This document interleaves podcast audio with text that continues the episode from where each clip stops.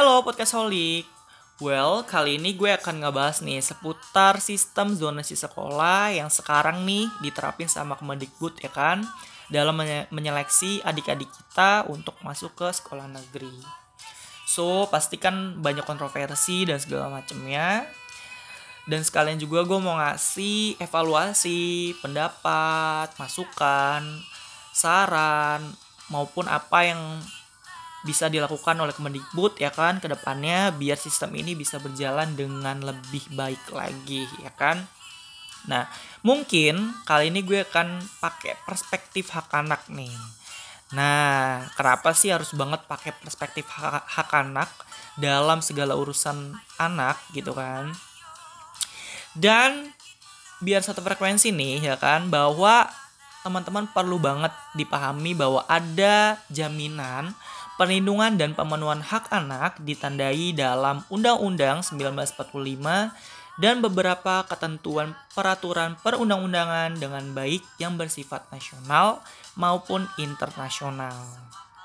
Dan jaminan ini dikuatkan melalui ratifikasi Konvensi Internasional tentang Hak Anak yaitu pengesahan Konvensi Hak Anak melalui keputusan Presiden nomor 36 tahun 1990 tentang pengesahan Convention on the Right of the Child Konvensi tentang hak hak anak sebagai implementasi pemerintah mengesahkan Undang-Undang Nomor 23 Tahun 2002 tentang perlindungan anak. Dan yang sekarang nih kemudian dilakukan perubahan terhadap beberapa ketentuannya menjadi Undang-Undang Nomor 35 Tahun 2014 tentang perubahan atas Undang-Undang Nomor 23 Tahun 2002 tentang perlindungan anak. Hmm. Well, jadi Indonesia sudah menyatakan bahwa menyetujui konvensi hak anak yang disepakati oleh dunia, oke? Okay? Dalam hal ini dari PBB ya. Dan perlu banget dipahami dengan ini, dengan adanya konvensi hak anak ini, berarti Indonesia sudah menyepakati dalam segala hal dan urusan menyangkut kepentingan anak-anak Indonesia harus bersandar atau bercermin dalam konvensi hak anak PBB ini. Well, termasuk juga segala urusan ya kan kayak kesehatan, keamanan, termasuk juga dalam hal pendidikan. Nah, yang perlu banget teman-teman pahami ya kan. Jadi urgent banget dan penting banget gitu. Dan yang perlu teman-teman pahami juga bahwa dalam hal konvensi hak anak ini di dalamnya itu ada lima klaster. Nah, di antara lima klaster ini ada klaster yang khusus membahas seputar pendidikan. Nah, itu ada di klaster keempat, yaitu pendidikan, waktu luang, dan kegiatan budaya. Nah, ini yang poin yang kita bisa diskusikan bareng-bareng gitu kan. Bahwa dalam konvensi hak anak ini, di situ juga ada prinsip umum hak anak. Bahwa di situ ada empat prinsip nih yang perlu teman-teman pahami juga gitu. Nah, yang pertama itu adalah kepentingan terbaik anak. Yang kedua adalah partisipasi. Yang ketiga adalah tumbuh dan berkembang. Yang keempat adalah non-diskriminasi. Oke. Nah, ini penting banget nih ya kan seputar apa yang sekarang kontroversi terkait dengan sistem zonasi sekolah yang diterapkan oleh Kemendikbud. So, sambil nih gue dapat sumber ya kan gue baca-baca terus dari pem pemberitaan yang ada juga termasuk media-media yang sekarang berseliweran gitu kan yang banyak banget membicarakan kontroversi yang ada.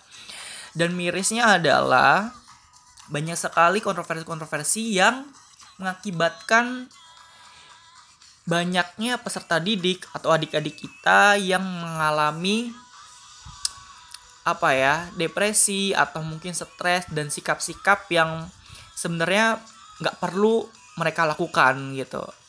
Kayak yang gue dapet nih ya kan? Ada nih kasus bahwa apa namanya ada adik kita gitu kan yang dia berprestasi gitu. Dan ternyata karena dia nggak apa ya nggak mau gitu. Istilahnya nggak mau sekolah sesuai zonasi yang dekat rumahnya itu. Dan akhirnya dengan dia membakar piagam-piagam penghargaannya gitu. Bahkan sampai sekitar 15-an penghargaan gitu. Dan ya ya dia kecewa gitu kan. Kecewa dengan uh, kenapa sih dia kok nggak bisa apa namanya masuk ke sekolah yang dia inginkan gitu nah kita beralih ke kasus kedua gitu gue juga baca nih ada info juga berita bahwa orang tua ini protes gitu. Orang tua ini banyak yang protes dan bahkan sampai ada yang bilang bahwa anaknya sampai pengen bunuh diri gitu kan.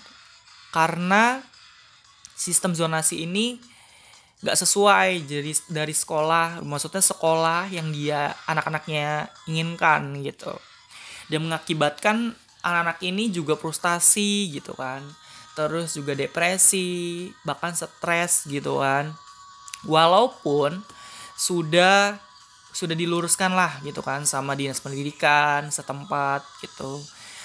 Dan so pasti ini banyak banget evaluasinya gitu kan. Kenapa so gue based on nih dari wawancara eksklusif kumparan dengan Menteri Pendidikan kita ya kan? Pak Muhajir Effendi terus juga dengan pihak Kementerian Kemendikbud lah gitu kan? Ini kaitannya dengan Kepala Biro Hukum dan Organisasi Kemendikbud Dian Wahyuni. Nah bahwa nih banyak banget nih ya kan problematika yang ada ya kan bahwa banyak banget orang tua calon siswa yang nggak setuju sistem zonasi ini. Menggantikan sistem peringkat nilai ujian nasional ya kan. Pasti ini udah paham banget lah gitu kan uh, masyarakat Indonesia ya kan dalam parameter penerimaan calon siswa di sekolah negeri. Nah, yang jadi masalah adalah banyaknya nih masalah sosialisasi sistem zonasi di beberapa daerah yang masih minim, hingga belum meratanya infrastruktur pendidikan di daerah. So, akhirnya Pak Muhajir juga merespon dong ya kan bahwa memang yang disumpah serapai saya yang bertanggung jawab juga secara langsung bahwa saya juga gitu. Dan uh, akhirnya kumparan juga wawancara khusus nih gitu kan dengan Pak Muhajir gitu terus juga uh, dengan yang dengan Bu Dian Wahyuni gitu kan bahwa yang jadi miris adalah ini faktanya nih ya kan bahwa adapun posisi Dirjen Pendidikan Dasar Menengah yang bertanggung jawab soal PPDB zonasi kini kosong setelah ditinggal Hamid Muhammad yang memasuki masa pensiun. Posisi itu kini dan hanya dijabat pelaksana tugas yang merangkap sekretaris Kemendikbud. Nah, dalam beberapa kesempatan nih, Pak Muhajir juga sempat menjelaskan nih kepada kumparan dan sejumlah awak media terkait masalah sistem zonasi yang muncul tahun ini. Bahwa nih ada beberapa petikannya ya kan. Bahwa kenapa sih muncul masalah lagi di pelaksanaan PPDB sistem zonasi tahun ini. Bahkan dilampirin nih ya kan. Warga berunjuk rasa ada foto orang tua gitu kan di Surabaya. Dia berdemo dengan tulisan kebijakan menteri tidak berpihak kepada pendidikan anak. Dan akhirnya menjelaskan dong ya kan bahwa ada peraturan menteri nomor 51 tahun 2018 untuk PPDB itu sudah bulan Desember kita keluarkan sudah enam bulan lebih. Jadi kita harapkan mestinya tidak akan terjadi persoalan karena persiapan sosialisasi sampai desiminasi peraturan itu menjadi peraturan turunan yang lebih rendah. Nah terkait dengan ini memang sistem pendidikan kita memang ya bisa dibilang cukup rumit gitu kan. Bahkan dalam hal uh, apa namanya adik-adik kita masuk ke sekolah gitu Nah dalam ini ya sekolah negeri gitu.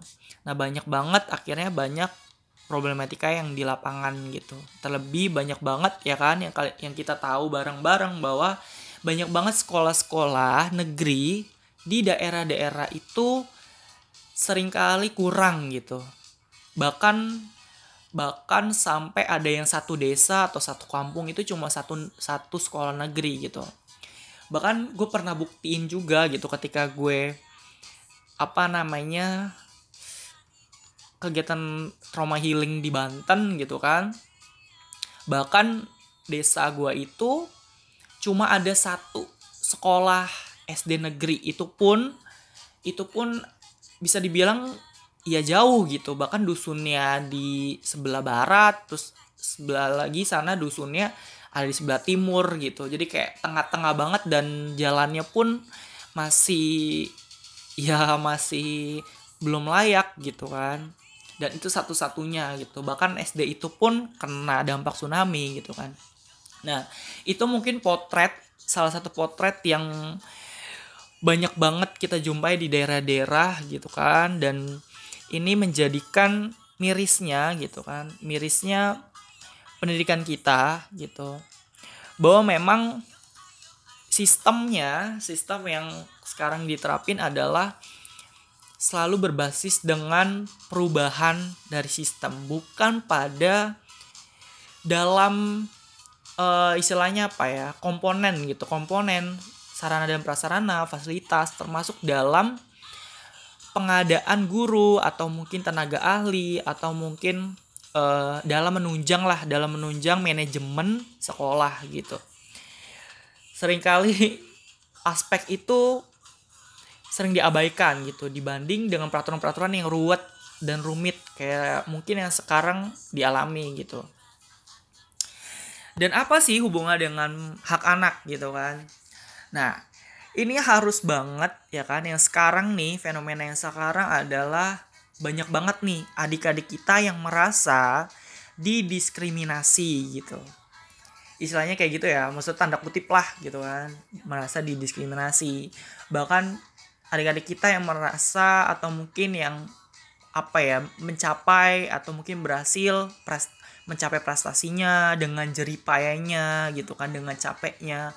Termasuk juga dalam mencapai nilai UN-nya yang tinggi gitu kan. Itu kan pasti dengan usaha yang ya dengan nangis darah gitu kan sampai ya pingsan segala macem lah gitu kan. Ya pasti teman-teman juga mengalami itu gitu kan. Pas on the way UN bahkan gue juga ya pastilah gitu kan. Usahanya ya harus banget double triple gitu kan.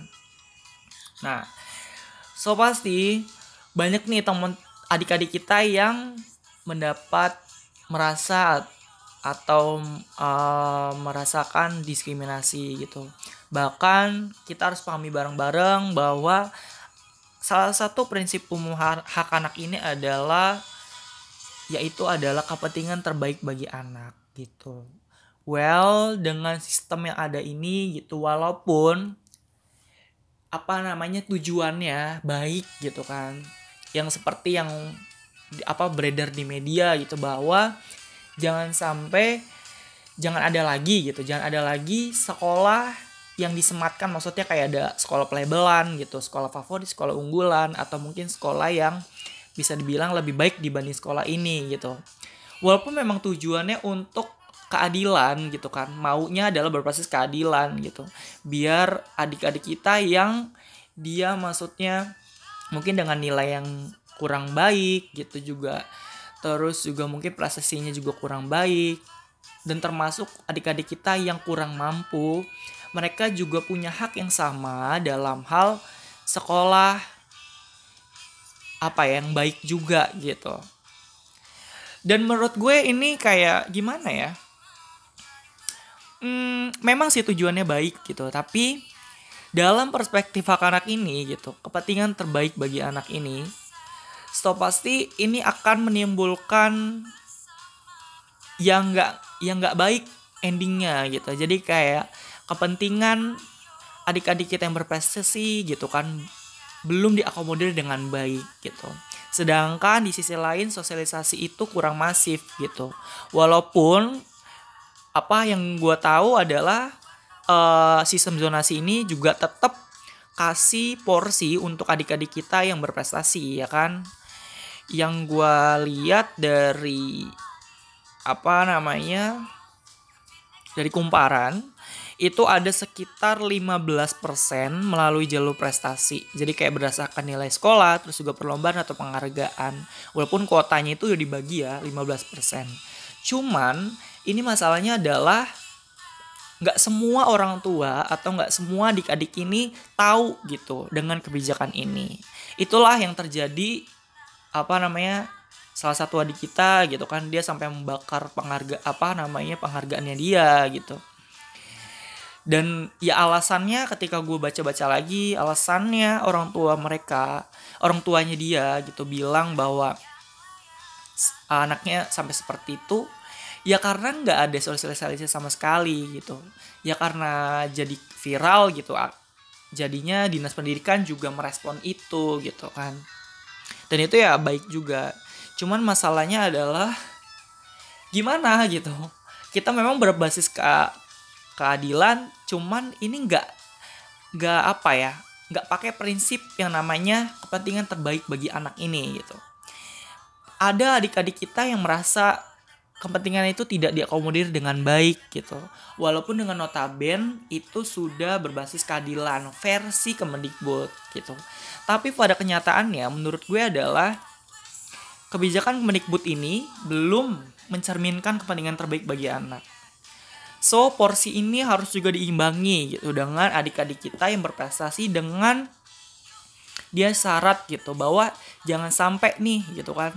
Adik-adik kita merasa bahwa nggak diakomodir kepentingannya termasuk juga jangan sampai merasa bahwa ngapain gue capek-capek gitu. Ngapain aku capek-capek berprestasi dapat penghargaan ini dapat piala ini dapat sertifikat ini nyatanya nggak kepake untuk aku uh, dapat sekolah yang aku inginkan gitu. Nah tanda kutip sekolah yang aku inginkan atau yang aku impikan gitu. Nah pasti orang tua atau mungkin adik-adik kita punya pandangan tersendiri dalam hal memandang bahwa sekolah ini cocok dengan dirinya atau mungkin sekolah ini mencerminkan dirinya gitu kan untuk menunjang apa? Pastikan menunjang masa depannya gitu. Nah pastikan orang tua juga punya perspektif dalam hal dia juga selalu kan orang tua kita gitu kan pasti dengan apa namanya alasan ya kepentingan itu ya bagi anaknya harus yang terbaik gitu kan. Nah, yang jadi masalah adalah sedangkan sistem yang ada itu adalah yang sebelumnya ya kan pasti tuh kayaknya ada ada yang namanya kan kayak sekolah bertaraf internasional lah atau mungkin sekolah berstandar nasional gitu. Bahkan ada sekolah-sekolah yang bisa dibilang di labelin kayak sekolah unggulan atau favorit gitu. Sedangkan apa kebijakan-kebijakan sebelumnya pun itu ada seperti itu. Tapi yang amat disayangkan adalah kenapa harus langsung apa ya bisa dibilang letterlock gitu. Langsung kayak langsung kayak secara menyeluruh gitu. Langsung jebret langsung sis, apa namanya diterapin sistem zonasi sekolah. Walaupun memang kenyataannya adalah dari 2017 ya kan? Cuman sekarang karena lebih efektif lebih masif gitu nah akhirnya gejolak itu yang kerasa sekarang gitu. Cuman ad, cuman yang jadi masalah adalah kenapa harus uh, apa namanya zonasi uh, sistem ini diterapin dengan notabene infrastruktur dan segala macam itu belum siap gitu. Walaupun dengan yang gue baca dari wawancara ini adalah Pak Muhajir tuh bercermin gitu dari kebijakan-kebijakan dari negara maju. Nah, tanda kutip negara maju yang sudah diterapin sama Singapura sama Jepang gitu. Yang gue tangkap ya dari uh, artikelnya kumparan well memang ya memang ya bisa dibilang ini contoh yang baik gitu. Cuman kita juga harus realistis gitu melihat kondisi pendidikan kita kita itu seperti apa dulu gitu. Jangan sampai lagi-lagi yang jadi korban atau mungkin yang lagi-lagi yang mendapatkan dampak negatifnya adalah anak-anak lagi gitu, anak lagi gitu. Bahkan ya orang tua lagi gitu kan maksudnya uh, apa namanya masyarakat yang ber, berkecimpung di kebijakan itu gitu. Jangan sampai seperti itu. Nah selanjutnya nih masih terkait dengan kepentingan terbaik bagi anak ya kan? Terkait dengan sistem zonasi ini so masih banyak yang perlu dibenahi gitu. Terlebih banyak banget uh, tujuan yang bisa dibilang meleset gitu. Sedangkan tujuannya adalah memang baik sih gitu. Yang gue lihat dari artikel kumparan memang uh, sistem ini juga diterapin yang tujuannya adalah untuk uh, apa namanya membangun ekosistem pendidikan yang berporos pada tri pusat pendidikan. Keluarga, rumah dan sekolah. Jadi kayak memang udah ada sistem pendidikan nasional yang memang mengakomodir ini gitu yang tujuannya biar keluarga, rumah dan sekolah itu jadi tempat yang bisa dibilang porosnya gitu dan dan bisa dekat dengan kehidupan anak itu sendiri gitu. Tapi ini ini jadi kayak kesannya tuh meleset gitu sedangkan ini yang jadi dampak juga ke ke anak-anaknya juga terus juga ke orang tua juga gitu yang harus putar otak gitu. Gimana caranya biar biar anaknya ini diterima di sekolah negeri gitu. Bahkan usaha yang dilakukan oleh orang tua apa anak yang yang membakar penghargaan itu pun dia sampai harus mencari gitu harus mencari sekolah lagi dan dan ya mau gak mau gitu. Yang dekat zonanya itu adalah uh, sekolah swasta gitu. Dan akhirnya ya akhirnya disetujui itu gitu. Walaupun ya dengan syarat dipahami lah gitu sama dinas pendidikan gitu bahwa uh, apa nggak bisa di sekolah negeri yang ini gitu karena di luar zona dari rumahnya gitu.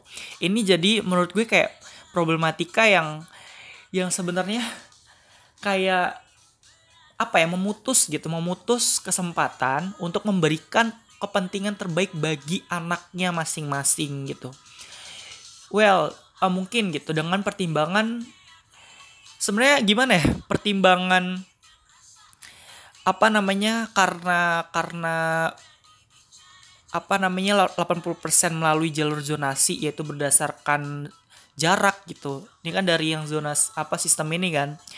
Jadi kayak berdasarkan jarak gitu. Cuman masalahnya adalah apa ya apakah kita apakah Kemendikbud melihat gitu bahwa sekolah yang di sekitar uh, rumahnya itu adalah bisa bilang layak gitu bagi anak-anak gitu.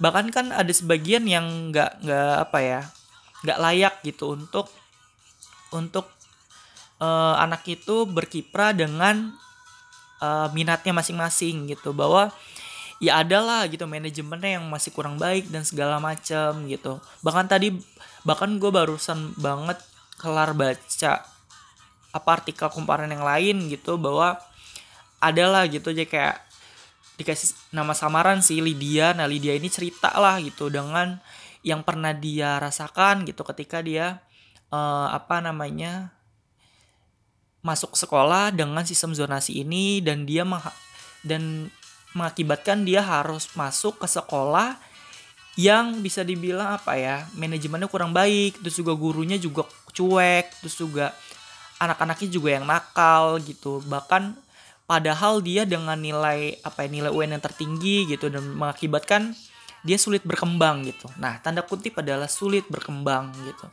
Nah ini yang mengakibatkan kepentingan bagi si anak ini nggak bisa diakomodir dengan baik gitu.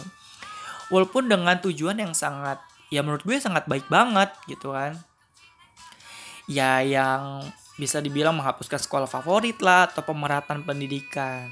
Nah, yang perlu yang perlu dicatat adalah menurut gue adalah pemerataan pendidikan ini harusnya dimulai dengan pemerataan dalam hal manajemen pendidikan yang ada di sekolah-sekolah dan segala macam gitu. Bahkan dari yang wawancara di kumparan ini pun gue melihat gitu oh, maksudnya gue baca kok kayaknya kesannya eh apa namanya dibebankan gitu dibebankan ke pemerintah daerah gitu.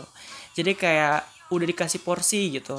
Bahkan mengklaim bahwa Kemendikbud udah ngasih porsi untuk manajemen ini uh, dalam hal manajemen pengadaan guru dan segala macam itu diserahkan ke pemerintah daerah gitu. Sedangkan nggak dijalani dengan baik gitu. Jadi kayak ini ini yang sering kali apa namanya jadi jadi bumerang gitu bagi kita masyarakat yang yang apa ya yang mau nggak mau harus berjalan di kebijakan itu gitu. Jadi kayak ya sering kali ya lempar-lemparan apa namanya tanggung jawab dan segala macam gitu. Yang seharusnya ini juga nggak nggak apa ya nggak baik ketika sistem ini sudah mulai dijalankan gitu kan secara lebih baik gitu kan. Terlebih ini udah diterapin nih kan katanya udah diterapin di negara maju gitu kan kayak Jepang Singapura gitu. Tapi faktanya kita belum siap untuk itu. Nah tanda kutip adalah kita belum siap untuk itu.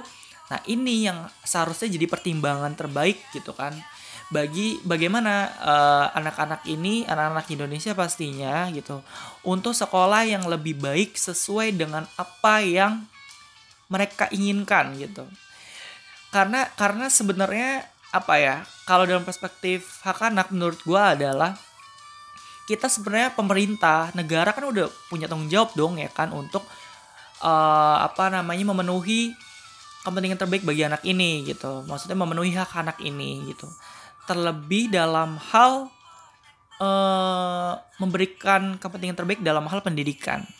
Cuman yang jadi problem adalah kita juga udah minus gitu. Minusnya di mana? Kita sudah minus dengan sistem yang rumit, maksudnya kayak sistem yang mempersilahkan anak-anak itu untuk berkompetisi gitu. Nah, sedangkan terus tiba-tiba ujuk-ujuk bikin kebijakan yang seakan-akan tuh harus dihapus kompetisi segala macem ya lahirlah menurut gue nih sistem zonasi ini lahir untuk kayak menetralkan segala kompetisi yang ada gitu tapi padahal ketika ketika apa ya nilai gitu kan nilai budaya atau mungkin uh, apa muara dari kebijakan yang yang harusnya sudah dikeluarkan dan itu sudah menjadi budaya atau udah menempel ke masyarakat yang sudah kena gitu kan. Jadi kayak kayak adik-adik kita kan kayak ya ya pas pas gue sekolah juga mungkin kalian yang dulu sekolah sekolah gitu kan. Uh, ya pasti tahu lah gitu. Gimana kita tuh kayak berlomba-lomba untuk berkompetisi gitu. Padahal ketika itu diterapin dengan baik gitu toh kenapa harus diubah lagi dengan kebijakan yang bener-bener kayak 100 180% derajat tuh langsung jebret gitu kan? Kita harus diharuskan untuk apa ya siap mau nggak mau gitu.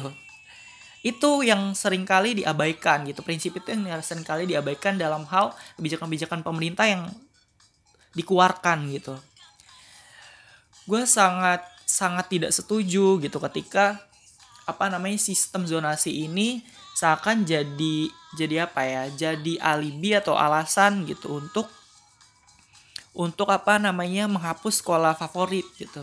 Sedangkan toh yang tadi gue udah ulas di awal gitu bahwa ya ini udah itu udah jadi muara apa istilahnya goals dari kebijakan sebelumnya gitu kan.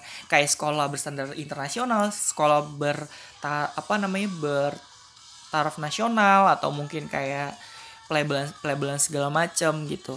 Toh kenapa ketika itu udah jadi goals terus sekarang bikin kebijakan baru dan harus goalsnya yang harus berbeda 180 derajat ini gitu kan. Nah kita beralih ke prinsip yang kedua gitu di prinsip tumbuh dan berkembang. Nah di prinsip tumbuh dan berkembang ini pastilah ya kan pendidikan ya madrasah kedua lah setelah keluarga gitu. Uh, bagi anak-anak kita yang sekarang gitu kan. Bahwa sekarang tuh pendidikan tuh udah jadi tempat apa ya tempat kedua maksudnya kayak uh, rumah kedua lah rumah kedua bagi anak-anak untuk berkembang di situ gitu nah ini terus kalau memang yang gue lihat dari tujuan ya maksudnya kayak isu-isunya yang dari berita-berita segala macam itu bahwa tujuannya adalah biar anak-anak apa adik-adik yang kurang mampu, terus juga yang kaya, terus juga yang pinter, yang yang yang dibilang buruk. Mereka harus bisa membaur gitu dengan semuanya cuman yang jadi masalah adalah uh, berpikir gak sih gitu Kemendikbud gitu kan dan yang perlu dipahami bareng-bareng gitu bahwa hmm, sering kali keadilan uh, yang dipandang oleh orang dewasa dengan anak itu sangatlah berbeda gitu. So Kemendikbud mikir gak sih gitu dampaknya bahkan menurut gue ini malah bikin memperkeruh gitu. Kenapa? Karena di sisi lain uh, mungkin anak yang kaya dia mungkin lebih kayak uh, ih ngapain sih gitu gue gabung-gabung sama anak yang miskin atau kayak gimana terus kayak terus anak yang mungkin yang uh, kurang pintar gitu kan dia merasa minder gitu dengan temennya yang lebih pintar. Terus juga kayak anak yang mungkin kurang mampu dia merasa minder juga dengan temennya yang kaya gitu. So uh, apa ya rasa minder rasa nggak percaya diri rasa terasing atau rasa terdiskriminasi secara nggak langsung itu mau gak mau akan berdampak ke masing-masing anak gitu. Toh walaupun memang tujuannya tujuannya memang agar uh, anak-anak ini apa ya bisa membaur dan merasa memiliki hak yang sama gitu. Dengan dapat sekolah yang sama dengan dapat sekolah yang baik juga gitu. Cuman uh, sisi psikologis ini juga yang perlu diperhatikan dengan hati-hati gitu. Jangan sampai ini malah apa ya membuat uh, anggapan uh, dalam sisi anak-anak ya gitu. Mereka menganggap bahwa uh, merasa apa ya banyak gapnya gitu banyak batasannya atau bagaimana. Maksudnya banyak perbedaan lah gitu intinya. Cuman kan ini sebenarnya itu lebih baik gitu. Maksudnya ketika anak-anak lebih bisa bersentuhan langsung dengan perbedaan itu. Cuman yang jadi masalah adalah sistem yang sebelumnya menyuguhkan atau menuntut atau menekan anak-anak ini untuk apa ya yang tadi berkompetisi dan dan memang berapa ya ber bergigi dengan masing-masingnya gitu. Maksudnya kayak yang apa namanya yang lebih baik atau yang kayak gimana gitu. Maksudnya udah udah udah udah terbiasa dengan yang gap-gap uh, lebih baik dan lebih buruk gitu. Jadi kayak kesannya nanti anak-anak juga merasa seperti itu yang jadi ujungnya gitu. Jadi kayak dan itu membuat menurut gue menghambat malah gitu menghambat tubuh dan kembang anak ini gitu. Terlebih kalau misalkan uh, apa namanya gak semua anak itu paham gitu kan apa maksud orang dewasa ini membentuk seperti ini gitu kan. Sedangkan sistem itu kan uh, sudah disuguhkan dengan hal-hal yang kesannya disamakan secara serentak gitu kan. Maksudnya dengan diharuskan gitu. Jadi kesannya memaksa juga gitu menurut gue. Jadi kayak ini malah menghambat tumbuh dan kembangnya anak, ini gitu. Yang seharusnya apa yang apa anak yang dapat penghargaan itu misalkan. Dia kan udah udah dapat penghargaan nih terus dia udah gabung dan dia udah bakar lah gitu. Dan dan itu malah mempengaruhi ketika dia misalkan di sekolah yang lebih setara gitu. Dan dia dan dia belum terbiasa tanda kutip ya ini. Yang perlu di note adalah belum terbiasa ini gitu yang harusnya dipahami bareng-bareng dengan orang dewasa gitu termasuk Kemendikbud termasuk kita semua gitu. Bahwa yang seharusnya kita juga harus paham gitu jangan sampai anak ini merasa dibatasi gitu secara nggak langsung gitu. Toh kita nggak bisa pungkiri bisa aja anak yang tadinya dia berprestasi gitu yang dia yang tadi jadi memutuskan terus dia mau mau bergigi dapat negeri di sini terus dia akhirnya bakar lah uh, penghargaannya itu. Dan bisa aja bisa apa ya merasa bahwa ya udahlah.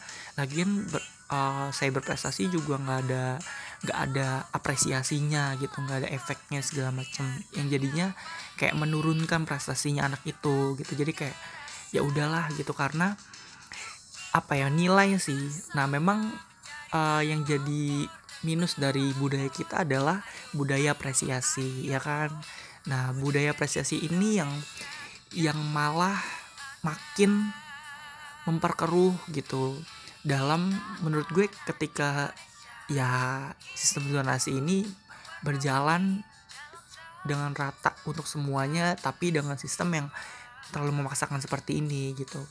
Nah ini yang membuat anak-anak yang tadinya apa gigi untuk berprestasi dia yang jadinya minder atau kayak males lagi atau atau kayak udahlah nggak rasa lagi juga nggak nggak dihargai atau gimana gitu. Nah apresiasi ini yang seharusnya ditumbuh kembangkan lebih dari dari pemerintah dari orang dewasa kita semua gitu. Bahwa anak-anak juga perlu untuk didorong untuk berprestasi untuk didorong menjadi anak yang lebih punya value gitu. Nah value itu yang seharusnya ditumbuhkan. Kalau misalkan memang apa ya sepakat gitu kan. Maksudnya dari awal sepakat pengen seperti negara-negara maju gitu. Maksudnya kan kalau di luar kan ya udah setara gitu nggak ada yang kompetisi segala macem gitu kan. Nah kalau memang maunya seperti itu toh kenapa nggak apa ya tunggu dulu deh gitu. Sedangkan budaya apresiasi apresiasi kita aja masih kurang banget gitu. Guru-guru kita pun masih banyak yang cuek gitu. Dan yang selama gue sekolah pun gue merasa seperti itu gitu. Itu kenapa gue nggak betah di kampus gitu karena karena apresiasi apresiasi itu kurang gitu. Dan sebenarnya sebenarnya gini sebenarnya gini anak-anak eh, apa namanya tinggal ku remaja terus kayak pemuda sebenarnya bukan bukan haus dengan apresiasi bukan haus dengan pujian bukan itu. Tapi cuma cuma ingin gitu cuma ingin diakui atau maksudnya sedikit dihargai bahwa dia dia itu sosok muda yang uh, kita masih kecil kita masih muda kita masih remaja gitu. Perlu kita juga diakui gitu bahwa kita juga bisa gitu. Nah tanda kutip bahwa kita bisa. Nggak cuma nggak cuma mereka doang atau nggak cuma orang dewasa doang gitu. Nah itu mungkin lebih kayak pembuktian sih kayak tanda kutipnya menurut gue itu pembuktian bahwa anak-anak ini perlu ruang untuk dikasih kesempatan untuk memberikan suatu uh, sisi totalitasnya gitu. Jadi kayak sisi um, apa ya pembuktiannya gitu bahwa dia juga bisa gitu. Dia pengen membuktikan bahwa dirinya juga bisa dibanding yang lain atau bagaimana. Tapi bukan bukan dalam arti uh, apa namanya merasa paling benar atau gimana? Bukan seperti itu. Sebenarnya sekecil itu aja. Cuman sayangnya adalah sistem pendidikan kita itu atau sistem budaya kita tuh masih masih belum memberikan ruang yang cukup untuk uh, generasi kita tuh diberikan apresiasi yang cukup gitu. Setidaknya bukan nggak nggak perlu yang tinggi tinggi lah ya. Setidaknya yang cukup gitu. Bahkan hal yang miris adalah gue ngerasa baru baru baru banget gitu. Media-media atau mungkin um, dari sisi pemerintah mengucapkan atau memberikan selamat kepada generasi-generasi kita yang mendapatkan juara gitu kan. Itu baru baru kayak sekarang-sekarang aja gitu baru terlihat gembar-gembornya. Misalnya kayak Zori dan segala macem gitu kan. Kayak yang apa pian apa pianis cilik itu gitu kan yang udah go internasional gitu. Dan itu pun ya kayak si Alex apa si Alex Alexandra siapa namanya kan gue lupa juga. Ya kayak itu gitu kan. Nah itu yang menurut gue jadi kayak kesannya tuh maksain gitu. Lebih baik kita fokus dulu gitu kan di satu. Misalkan kalau memang sepakat nggak mau ada kompetisi toh ya udah coba dulu nanti dengan waktu yang tepat lah gitu. Jangan sampai mengubah sistem yang yang yang malah sebenarnya budaya itu udah terbentuk duluan gitu. Jadi kayak budaya itu udah terbentuk dari kebijakan yang sebelumnya. Terus terus kita terus pemerintah masukin lagi sistem yang baru dan menuntut untuk budaya yang baru gitu. Nah itulah budaya baru itu yang yang apa ya yang mau nggak mau itu nggak nggak bisa secara langsung seperti sistem yang yang seharusnya eh maksudnya yang yang seperti mau diterapin gitu. Toh ya kan budaya itu kan perlu waktu gitu untuk menyesuaikan diri atau beradaptasi masyarakat termasuk juga anak-anak apalagi anak-anak gitu ya. Perlu perlu ekstra perlu penyesuaian perlu pemahaman lebih perlu dipahami lagi sama orang tuanya pasti ada rasa menolak atau bagaimana. Nah itu yang perlu dipahami bareng-bareng oleh kita orang dewasa gitu. So makanya menurut gue uh, sistem zonasi ini baik dalam hal tumbuh kembang cuman masalahnya adalah belum siap itu yang mengakibatkan malah menghambat jatuhnya gitu. Jadi kes, jadi kesannya memaksa anak harus berubah sedemikian rupa sesuai sistem yang udah diubah gitu. Nah itu tanda kutip itu yang perlu dicatat bareng-bareng. So yang ketiga soal partisipasi. Nah soal partisipasi ini adalah apa namanya uh, perlu nih perlu yang namanya keterlibatan gitu. Nah keterlibatan ini adalah bukan hanya dari sisi uh, anak itu sendiri tapi juga dari sisi pihak-pihak di sekitar anak itu.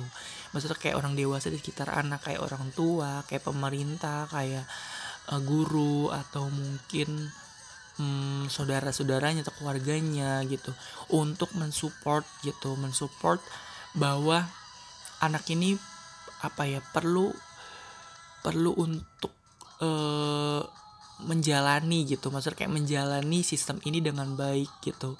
Nah kita perlu untuk memberikan suatu iklim atau misalkan kayak wadah atau ruang bahwa menunjukkan bahwa sistem yang sekarang kita bangun ini bareng-bareng bahwa ini layak untuk kalian gitu. Nah itu yang perlu di uh, apa namanya nggak sembarangan juga gitu. Bahwa orang orang dewasa kita semua jangan sampai memahami bahwa ya memang anak-anak tuh perlu partisipasi di sini. Cuman orang dewasa juga harus mendukung itu gitu. Dan PR besarnya adalah pasti adalah menurut gue adalah ketika sistem zonasi ini diterapin PR besar yang semakin besar menurut gue akan dibebankan di sisi orang tua dan keluarga gitu. Dalam hal apa? Dalam hal memahami dan dan memberikan suatu cara untuk anak itu beradaptasi dengan sistem yang ada gitu. Ya pasti pasti banyak problematikanya gitu. Seperti yang dialami Lydia gitu. Dia sampai bilang bahwa dia uh, terpilih gitu. Terpilih uh, dari sekolahnya dia terpilih ikut OSN OSN apa namanya nasional gitu kan terus cuman tanggapan gurunya adalah malah minus gitu malah bilang eh, nggak uh, maksudnya nggak mendukung lah gitu. Ya udahlah kalau menang ya nggak kalau menang ya syukur kalau nggak menang ya udahlah biarin aja gitu. Jadi kayak jadi kayak nggak mendukung secara murni bahwa uh, Lydia ini harus terus gitu harus harus gigi untuk berprestasi. Nah itu misalnya kayak sosok-sosok Lydia ini ketika dia udah punya punya pemikiran yang dewasa untuk untuk berguna bagi bangsanya atau mungkin untuk jadi anak yang berprestasi dengan lingkungan yang seperti itu dengan iklim sekitarnya yang kurang mendukung so jadi apa gitu kan partisipasi ini yang yang nggak yang nggak akan jadi apa ya nggak akan tumbuh dengan baik dan mengakibatkan partisipasi anak juga kurang di situ gitu. Terlebih kita kita mau apa ya membuat membuat anak ini jadi generasi terbaik. Cuman kita seakan-akan memaksakan untuk membuat sistem yang terbaik cuman deng dengan tidak sering kali sering kali nggak memikirkan sisi anaknya di sini gitu. Nah yang yang gue lihat adalah ya kurang kurang banget gitu. Bahwa memang walaupun usaha pemerintah sudah semaksimal mungkin pasti kan uh, bilangnya ya tahap bertahap atau bagaimana gitu. Cuman ya seakan membuat uh, apa ya anak itu nggak punya pilihan lain gitu selain untuk ngikutin sistem yang ada dengan pasrah dengan kondisi yang ada gitu. Nah seperti yang dialami apa adik kita yang membakar uh, penghargaannya dia itu gitu. Ya udah dia dia apa zonanya eh sekolah sekolah negeri yang di zonanya nggak ada di dekat rumahnya toh akhirnya dia pasrah untuk ya udah mengikuti dan dia mau nggak mau harus mengikuti gitu. Dan dia memilih ya akhirnya dimasukkan oleh orang tuanya di sekolah swasta gitu. Toh jangan sampai malah meng, mengapa ya mengubah ritme anak ini untuk terus berkembang gitu. Dan untuk berpartisipasi secara lebih kayak misalkan inisiatif ya udah inisiatif harus harus berprestasi gitu harus aktif di sekolah atau harus apa namanya melibatkan diri gitu mewakili sekolah di ajang-ajang yang mungkin bisa menumbuhkan uh, partisipasi dia gitu sebagai anak dan sebagai siswa di siswa gitu. Itu yang yang seakan ya sering dilupain gitu bagi oleh oleh kita semua selaku orang dewasa apalagi pemerintah gitu. Jangan sampai sistem yang ada malah mem, menghambat gitu partisipasi anak yang seharusnya. Ini yang PR yang yang nggak nggak apa yang nggak bisa kita tolerir gitu kan kayak kayak nggak bisa kita pungkiri dampak nggak langsung itu pasti akan mempengaruhi partisipasi anak di sekolah gitu. Nah, terus yang terakhir adalah non diskriminasi. So uh, kalau dilihat dari apa yang maunya Kemendikbud adalah menurut menurut gue kayaknya ya memang berprinsip non diskriminasi. Cuman ketika gue melihat dari sisi hak anak, maksudnya dari sisi prinsip terba eh, prinsip umumnya dari apa yang seharusnya diperoleh. Apa namanya untuk anak malah kesannya ini malah mendiskriminasi. Kenapa?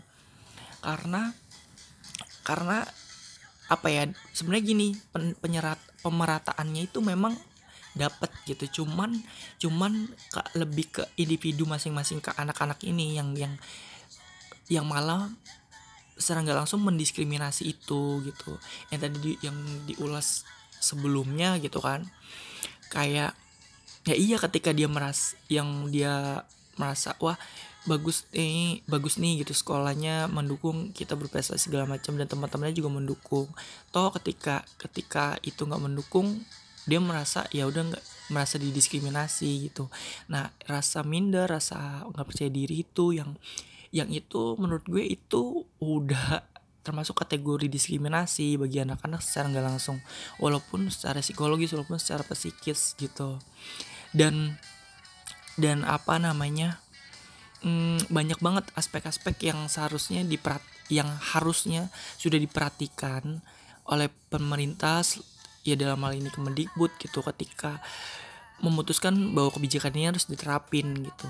Toh ini udah udah apa namanya ham, udah mau udah kedua tahun gitu udah tahun kedua gitu kan. Ya seharusnya evaluasi ini yang seharusnya udah clear di awal gitu. Nah sedangkan sistem yang diubah ini adalah baru masih kayak di permukaan aja gitu. Nah diskriminasi ini yang kita nggak bisa pungkiri akan terus berlanjut gitu. Terlebih manajemen dari pendidikan kita juga masih belum baik gitu.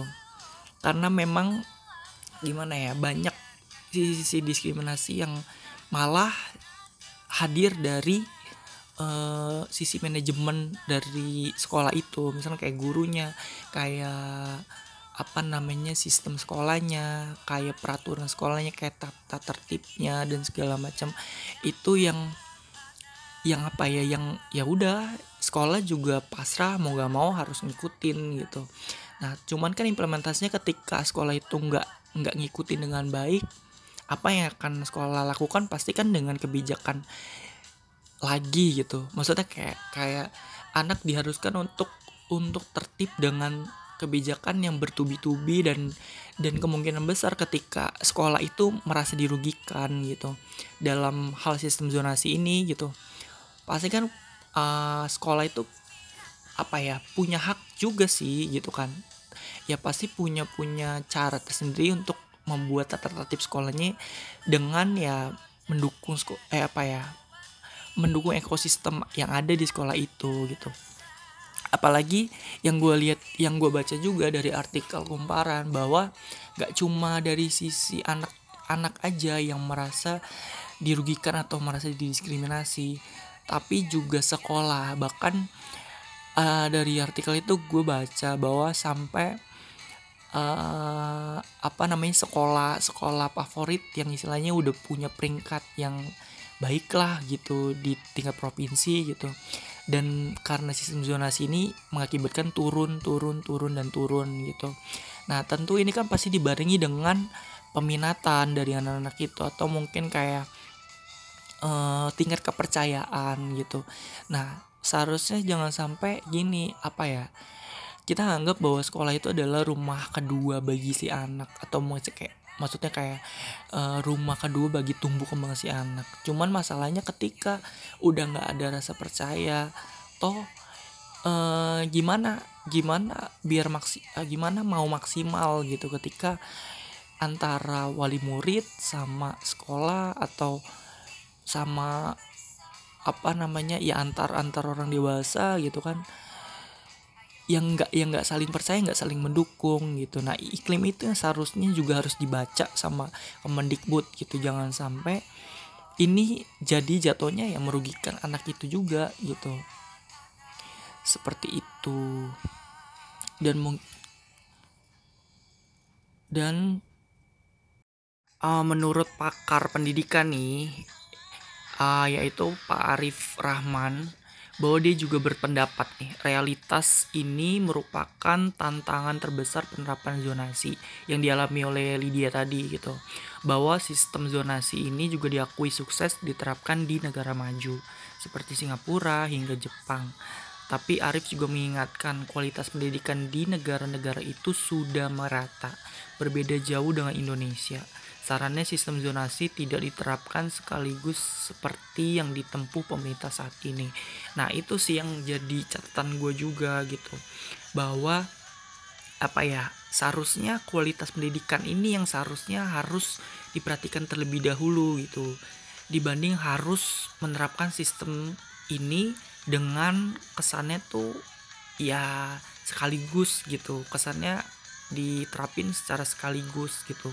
Dan yang mengakibatkan ya ya nggak heran juga bahkan ada gejolak bahkan kayak ada yang ada yang ya udah dari realita lapangan misalnya kayak ya udah orang uh, sekolah negeri juga cuma satu dan segala macem dan dan anak saya merasa didiskriminasi terus kayak nilai UN-nya lebih tinggi cuma di, terus juga merasa disisihkan dibanding nilai UN yang rendah dan itu yang mengakibatkan apa ya ada ada gap dan dan di sini sisi diskriminasi ini yang terlihat banget gitu dan tentu nggak nggak nggak sejalan dengan prinsip umum dari hak anak itu sendiri gitu. Nah bahkan uh, menurut Parif nih bahwa sistem zonasi ini harusnya dilakukan secara bertahap, tidak bisa sekaligus langsung gitu. Nah, terus juga pemerintah harus lebih dulu meningkatkan kualitas dan penyebaran komponen pendidikan. Dengan begitu tak ada kesenjangan yang terlalu jauh saat sistem zonasi diterapkan. Nah, ini dia nih yang mengakibatkan kayak diskriminasi ini terus-terus berlanjut gitu. Toh kesenjangan ini mau nggak mau ya ya diterapkan ya karena apa ya karena kondisinya gitu karena kondisi komponen pendidikan ini yang yang masih jauh dari kata berkualitas gitu. Nah, yang ini seharusnya dinotis terlebih dahulu sebelum uh, sistem ini diterapin dengan secara benar-benar, maksudnya secara menyeluruh gitu. Oh, kenapa nggak nggak nggak fokus dulu dalam hal membuat komponen pendidikan yang ada itu benar-benar berkualitas gitu dan yang mengakibatkan pasti dong ya kan ketika komponen pendidikan itu sudah berkualitas setidaknya udah siap gitu. Nah ya sistem apa pun gitu ketika ketika itu baik dan itu menunjang komponen pendidikan itu toh kenapa toh hal yang hal yang apa ya relevan gitu untuk terus diterima gitu dibanding harus bergejolak kayak sekarang gitu. Ya yang nggak salah ya karena ya karena kita belum siap itu aja sih gitu. Toh lanjut uh, Pak Arif nih kan katanya harus ada pelatihan ke guru-guru di sekolah sekolah nantinya bisa menjamin mutu dari sekolah-sekolah di zona atau di daerah itu Nah, ya memang kan pasti kan harus juga didukung bahwa dengan orang orang-orang atau maksudnya orang-orang dewasa di sekitar anak yang bener-bener intens di situ gitu. Maksudnya mereka juga harus ngerti gitu bahwa dengan minimal lah minimal dengan sistem sistem yang ada gitu. Maksudnya kayak menjamin mutu dari sekolah-sekolah itu gitu sesuai dengan apa yang yang diharapkan gitu Nah, ini yang yang jadi jadi apa ya? Jadi bumerang juga akhirnya gitu ke sekolah itu sendiri dan ke pemerintah lagi gitu kan. Jadi kayak akhirnya mau gak mau nggak cuma pihak dari anak atau orang tua tapi juga sekolah juga kena apa ya dampak negatifnya gitu. Nah ini nih yang tadi gue bilang kan bahwa ada dampak nih dampaknya bagi sekolah gitu Nah ini penerapan sistem zonasi nggak cuma berdampak pada siswa, sekolah juga mulai mengalami perubahan. Nah ini contohnya ini ada SMAN 8 Jakarta yang merupakan salah satu sekolah unggulan.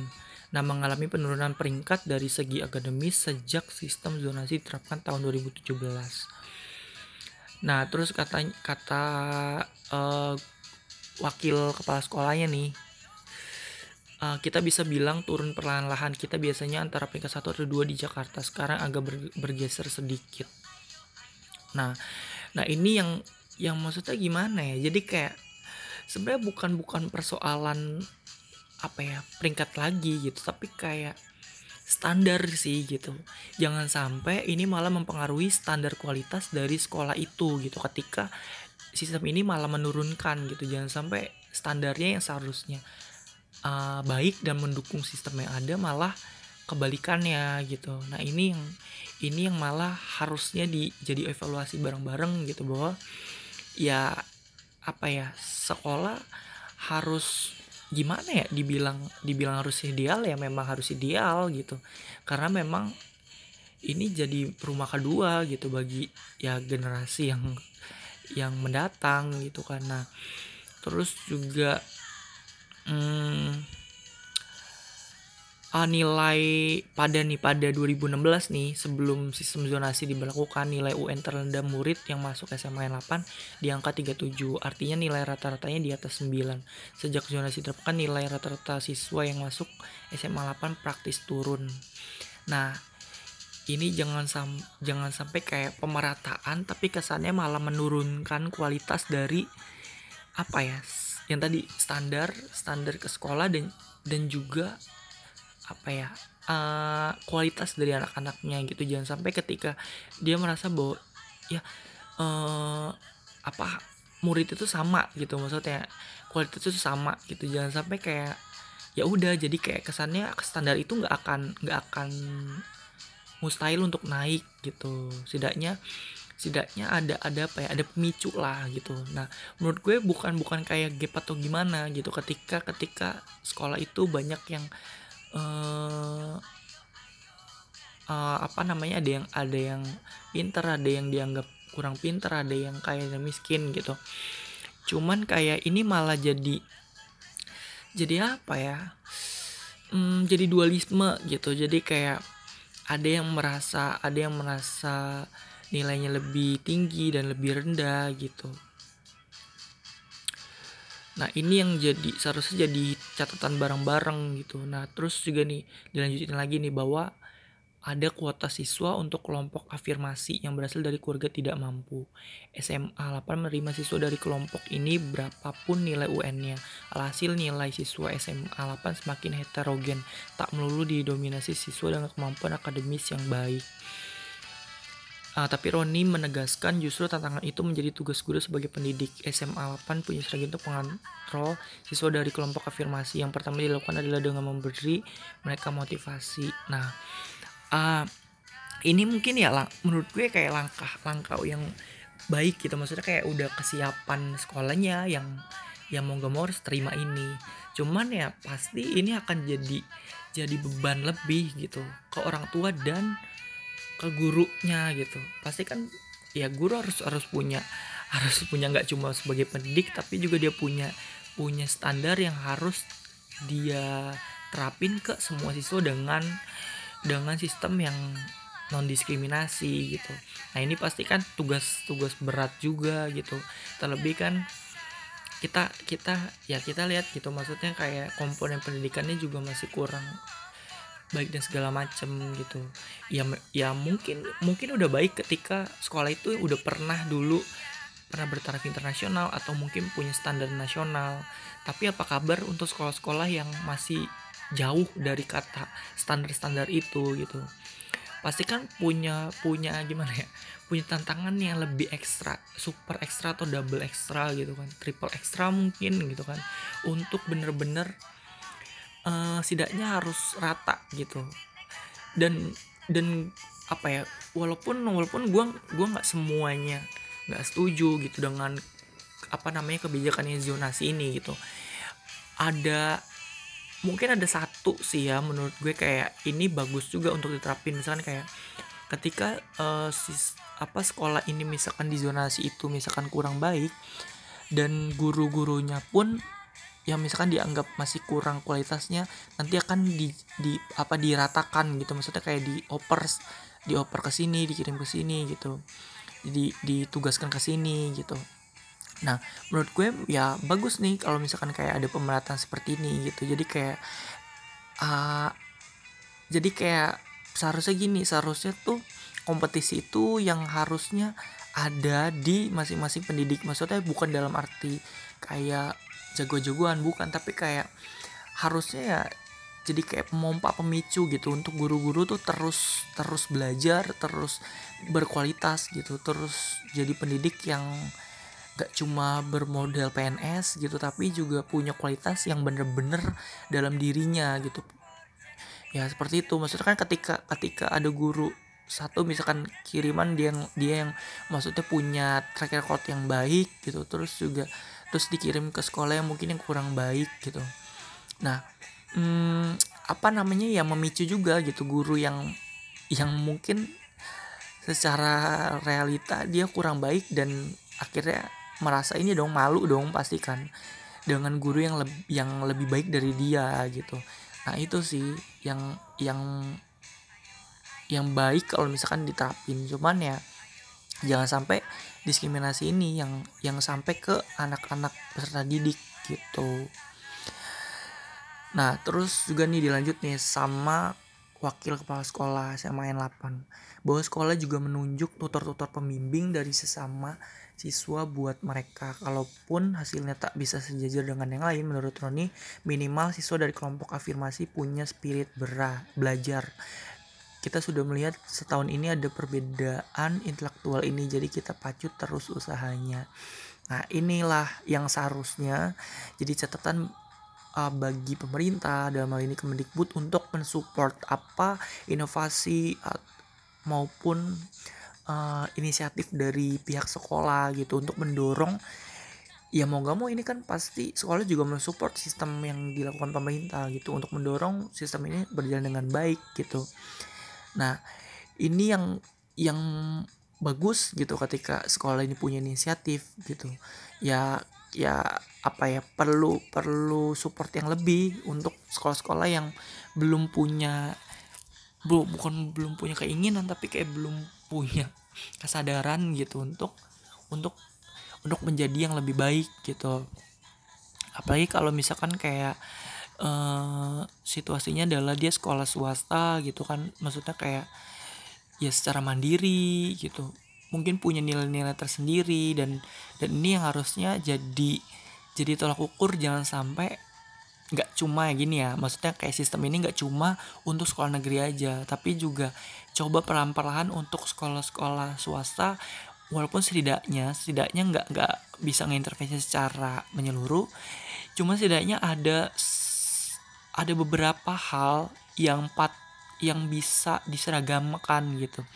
Yang yang jangan sampai malah ketika ketika nggak nggak dicoba untuk ke sekolah swasta malah ini malah membuat gap itu malah eh maksudnya kayak uh, uh, perbedaan itu gap-gap itu adalah akan ber akan apa ya tumbuh antara sekolah swasta sama sekolah negeri gitu. Toh memang yang maksudnya yang dari dari budaya yang sekarang pun kan memang seperti itu gitu. Maksudnya kayak uh, dibeda-bedain lah sekolah swasta yang buangan atau sekolah negeri yang yang dapat subsidi gitu kayak gitu gitulah gitu kan. Masih masih banyak yang gap-gap seperti itu. Jangan sampai malah kalau misal malah uh, ketika sistem ini nggak nggak coba untuk diterapin ke sekolah swasta malah ini malah membuat gap ini malah semakin besar di antara sekolah negeri dan swasta. Gitu sih. Nah terus nih ada lagi nih tantangan serupa juga dihadapi SMA 1 Depok yang tergolong unggulan di wilayahnya sejak sistem zonasi terapkan kemampuan siswa baru dari sisi akademis semakin beragam. Roslina Humas SMN 1 Depok mengatakan guru di sekolahnya punya prinsip tidak ada anak pintar, tidak ada anak bodoh. Well, ini gimana ya? Ya sisi baik juga gitu ketika ini ketika gini ketika satu frekuensi antara sekolah dan dan pemerintah gitu. Cuman yang menjadi masalah adalah ketika ya sekolah ada beberapa sekolah atau mungkin sekolah yang belum mencoba untuk paham gitu dengan sistem ini gitu toh gimana gitu kan yang seharusnya jadi PR bersama ini gitu nah bahkan ada nih persoalan lain juga nih yang terasa uh, dari SMAN 1 Depok ya bahwa belum terbiasanya siswa baru dari jalur zonasi dengan ritme belajar di SMAN 1 Depok belum lagi masalah kesenjangan budaya yang muncul di antara siswa Nah, inilah persoalan yang gimana ya mau nggak mau harus bener-bener dihadapi. Ya pasti kan dibebankan juga kan ke sekolah, guru dan komponen-komponen uh, sekolah lainnya gitu kan, yang harus bener-bener ekstra untuk bener-bener siswa ini bisa ikut dalam sistem ini dengan aman dan nyaman gitu. Nah inilah yang masih kayak uh, malah menimbulkan menurut gue menimbulkan masalah yang yang nggak yang nggak apa ya yang nggak bisa dianggap enteng lah gitu. Bahwa apalagi belum apalagi ada masalah kesenjangan budaya gitu toh ini kan yang gue bilang sebelumnya bahwa ini nggak nggak apa ya nggak cepet gitu uh, waktunya gitu kan. Pasti kan perlu waktu yang lama gitu untuk untuk uh, siswa ini beradaptasi dengan baik lah gitu. So mungkin itu aja yang gue bisa sharing dan uh, mungkin kita bisa diskusi lagi gitu kan di di lain waktu gitu. dan semoga dengan sistem zonasi ini bisa membuat uh, seperti tujuannya gitu bisa menghapus sekolah favorit terus juga bisa pemerataan pendidikan terus juga membangun ekosistem pendidikan uh, membangun ekosistem pendidikan yang berproses pada tri pusat pendidikan, keluarga, rumah, dan sekolah. Terus juga jangan sampai ada lagi kontra-kontra yang ada gitu, misalnya kayak protes orang tua murid karena nilai UN-nya tinggi tapi disisihkan dengan nilai siswa UN yang lebih rendah gitu. Karena faktor kedekatan jarak sekolah dengan rumah. Terus juga sosialisasi dianggap minim akibatnya pendaftaran di sejumlah daerah ricuh. Toh jangan sampai ada seperti itu lagi gitu kan semoga ke depan pendidikan kita lebih baik lagi. Jangan sampai ada diskriminasi lagi. Jangan sampai ada hmm, apa yang menimbulkan masalah lagi ketika sistem yang baru akan muncul gitu. So pertimbangkan lagi budaya-budaya yang sudah sebenarnya sudah timbul. Ya ya kak ya itu muaranya karena kebijakan sebelumnya gitu. Nah itu yang harus dipahami dipahami dulu sebelum uh, apa yang mengeluarkan kebijakan yang baru lagi gitu. Toh semoga pendidikan kita ke depannya uh, apa menjunjung tinggi prinsip umum hak anak gitu. Yang ke yang empat tadi gitu. Bahwa kepentingan terbaik bagi anak tumbuh dan berkembang, partisipasi dan non diskriminasi. Nah, itu yang harusnya sama-sama kita bangun bareng-bareng dari sisi masyarakat, orang tua, uh, siswa maupun eh pemerintah dan sekolah dan semua elemen orang dewasa yang mendukung anak-anak kita jadi generasi emas yang berkualitas gitu. So, sampai ketemu di episode berikutnya. Bye.